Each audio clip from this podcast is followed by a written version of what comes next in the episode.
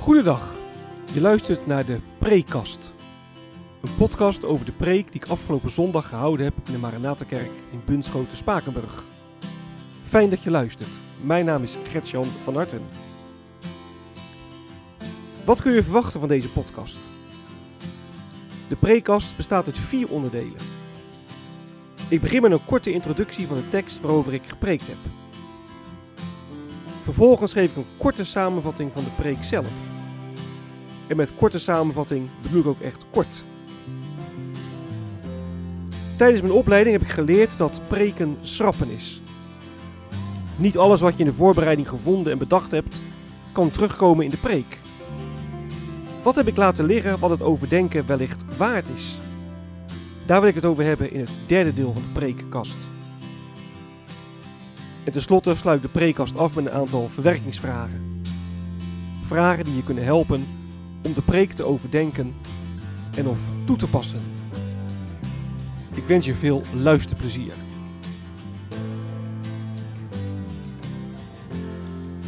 De tekst.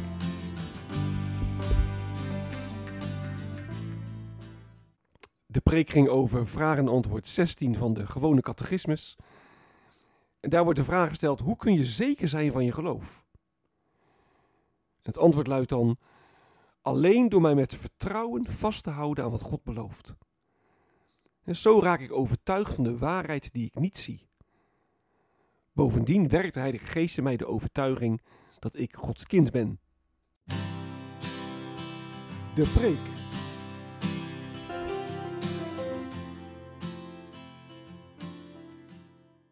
Hoe kun je zeker zijn van je geloof?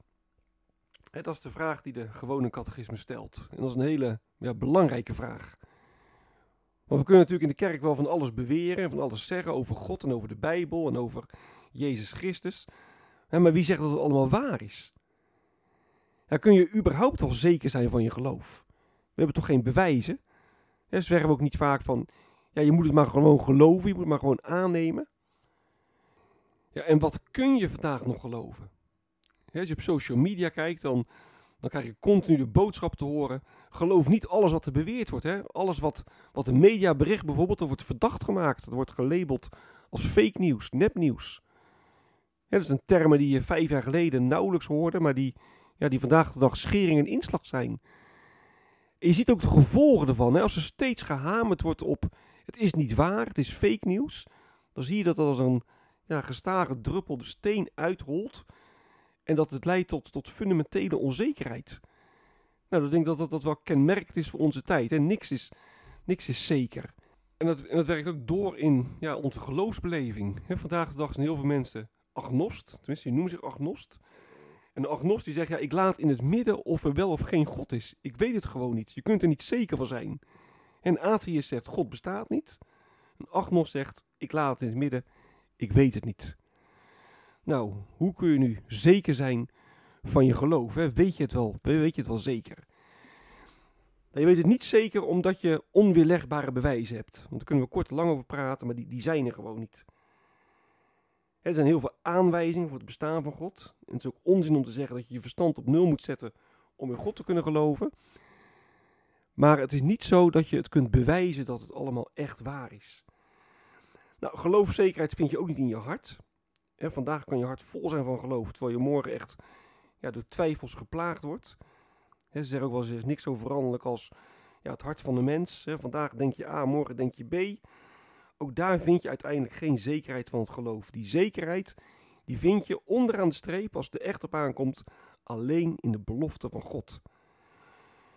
Nou, wat belooft God dan? Ik gebruik er altijd een, uh, een mooi ezelsbruggetje voor. Tenminste, ik vind het een mooi ezelsbruggetje.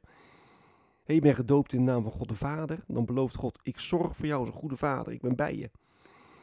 Je bent gedoopt in de naam van uh, de Zoon. Dan belooft God, ik wil al jouw schuld vergeven. Ik wil al je zonde wegnemen. Ik wil je bevrijden. En je bent gedoopt in de naam van de Heilige Geest. En de Heilige Geest zegt, ik wil jou geloof geven. Ik wil jou een nieuw leven geven. Ik wil jou denken, jou doen en laten ja, uh, sturen. Prachtige belofte.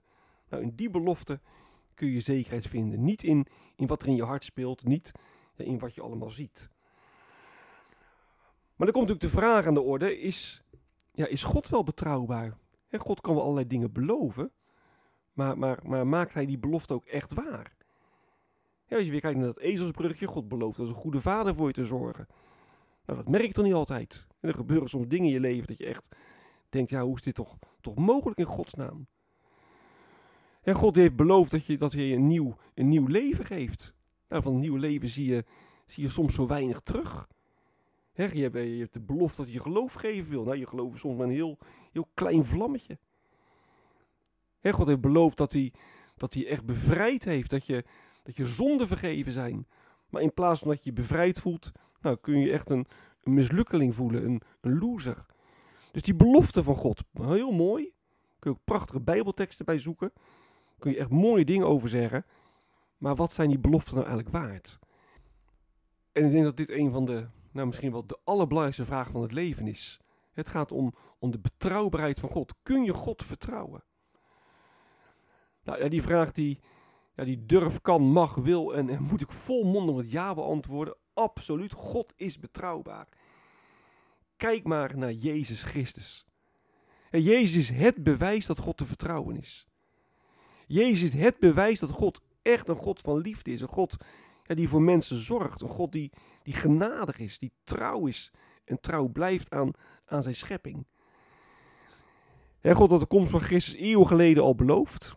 Direct na de zondeval al.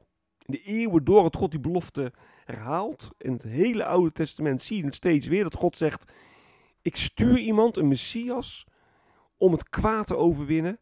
Ik stuur iemand die de duivel komt verslaan. Iemand die het onrecht komt aanpakken. Ik, kom iemand, ik stuur iemand die de schepping gaat redden van de zinloosheid. Iemand die, ja, die mijn koninkrijk hier op aarde mogelijk gaat maken.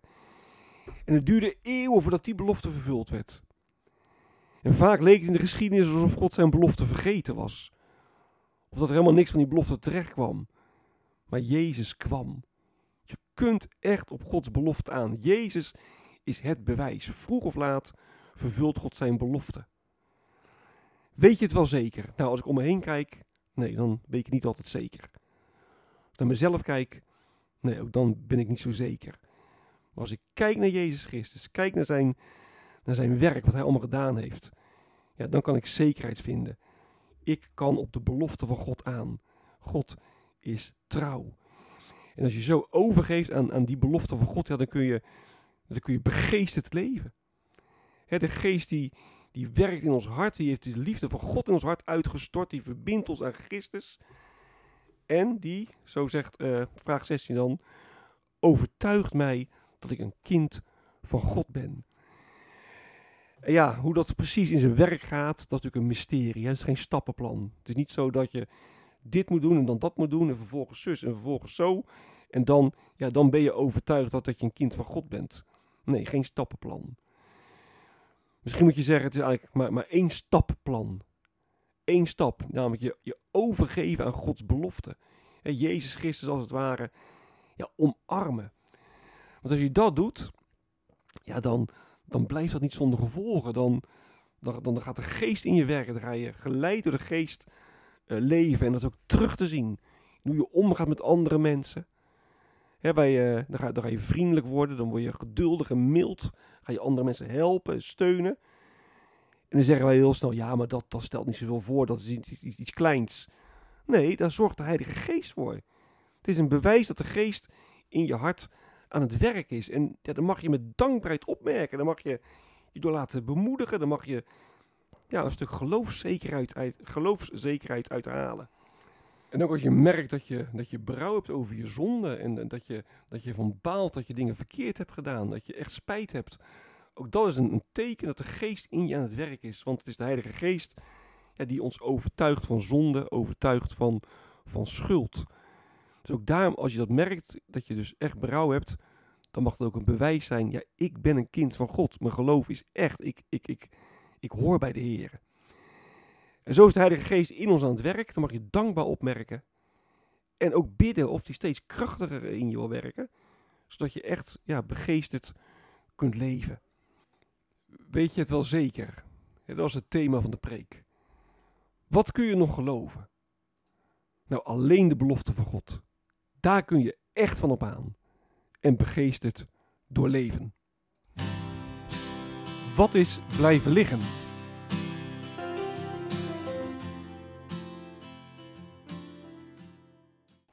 Nou, ik denk dat ik op zich alle onderdelen van uh, vraag en antwoord 16 wel behandeld heb in de preek. Je kunt natuurlijk wel veel meer zeggen, wat uitgebreider op ingaan. Ik denk bijvoorbeeld aan uh, het zinnetje uit de catechismus: Zo raak ik overtuigd van de waarheid die ik niet zie. Hè, wij, wij, wij, zien het niet altijd uh, dat uh, nou, God onze Vader is. We zien niet altijd dat, dat de Heilige Geest ons een nieuw leven geeft. Maar je kunt je afvragen: van, ja, hoe kan dat dan? De Geest echt in je werkt, dan wordt je toch juist wel zichtbaar. Het is een beetje dezelfde spanning die je ook ziet bij het feit dat Jezus Christus koning is. Ook dat is niet altijd terug te zien. de Hebreeënbrief zegt het, uh, dat, dat, dat alles aan, aan Jezus onderworpen is, dat, dat zien we niet. En tegelijkertijd worden wij opgeroepen om dat koninkrijk van God, het koningschap van Jezus Christus, zichtbaar te maken. Nou, als je het niet ziet, uh, maken we het dan te weinig zichtbaar. De Heilige Geest die wil het toch uh, in ons leven ook uitwerken. Nou, hoe zit nou die verhouding precies? Dat is best een, een onderwerp waar je ook wat ja, meer en langer over na kunt denken. Of een aparte preek over zou kunnen, kunnen wijden. We zien de waarheid niet. Maar zouden de waarheid niet veel meer moeten zien? Omdat de geest juist in ons leven heel concreet die waarheid ook, ook duidelijk wil maken. Of aan het licht wil brengen. Ik heb ook uh, verder niet zo heel veel aandacht besteed aan het slot. Hè. Bovendien werkt de Geest in mij de overtuiging dat ik Gods kind ben. Ook daar kun je natuurlijk een hele boom over opzetten. Er is ook boekenkasten over volgeschreven. Wanneer mag je nu zeggen dat je een kind van God bent? Hoe doet de Heilige Geest dat? Hoe werkt hij dan? Nou, daar kun je toch heel veel uh, ja, nog, nog over zeggen. Ik denk wel in zijn algemeen dat je daar wel bij op moet passen. Dat je het niet gaat voorschrijven hoe dat precies moet zijn. Dat je dat allemaal in, in, uh, ja, onder woorden gaat brengen. Alsof je aan allerlei kenmerken moet voldoen. En dat gebeurt in bepaalde kringen. Wordt dan helemaal uitgebreid beschreven wat je moet voelen, hoe de Heilige Geest werkt. Terwijl de geest ook bij ieder mens weer anders werkt. De geest die, die is ook niet in een hokje te vangen. Hij werkt, werkt in mij de overtuiging dat ik Gods kind ben. Maar dan kan hij mij misschien heel anders doen dan dat, dat, dan dat hij dat bij, bij jou doet. Dus ja, ook daar heb ik uh, niet heel veel aandacht aan besteed in, uh, in de preek. De Heilige Geest die werkt de overtuiging dat ik Gods kind ben. En hoe hij dat doet, ja, dat kan op allerlei verschillende manieren. Verwerkingsvragen.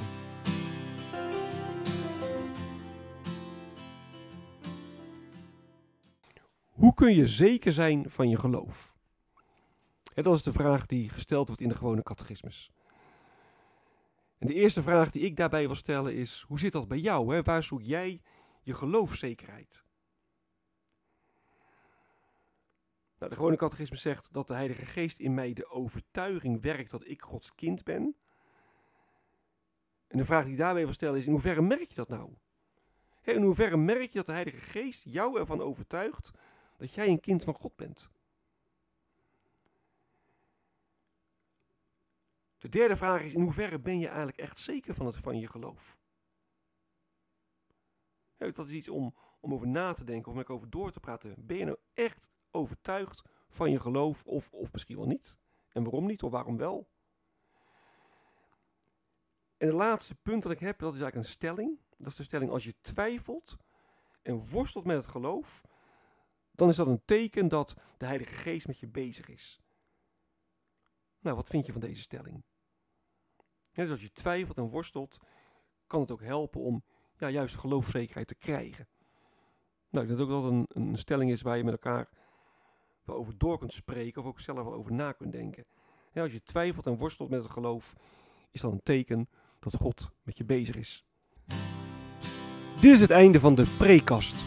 Mocht je vragen of opmerkingen hebben, dan kun je me mailen op mailadres van hartengretjan.gmail.com van hartengretjan.gmail.com Ik wens je nog een hele prettige dag.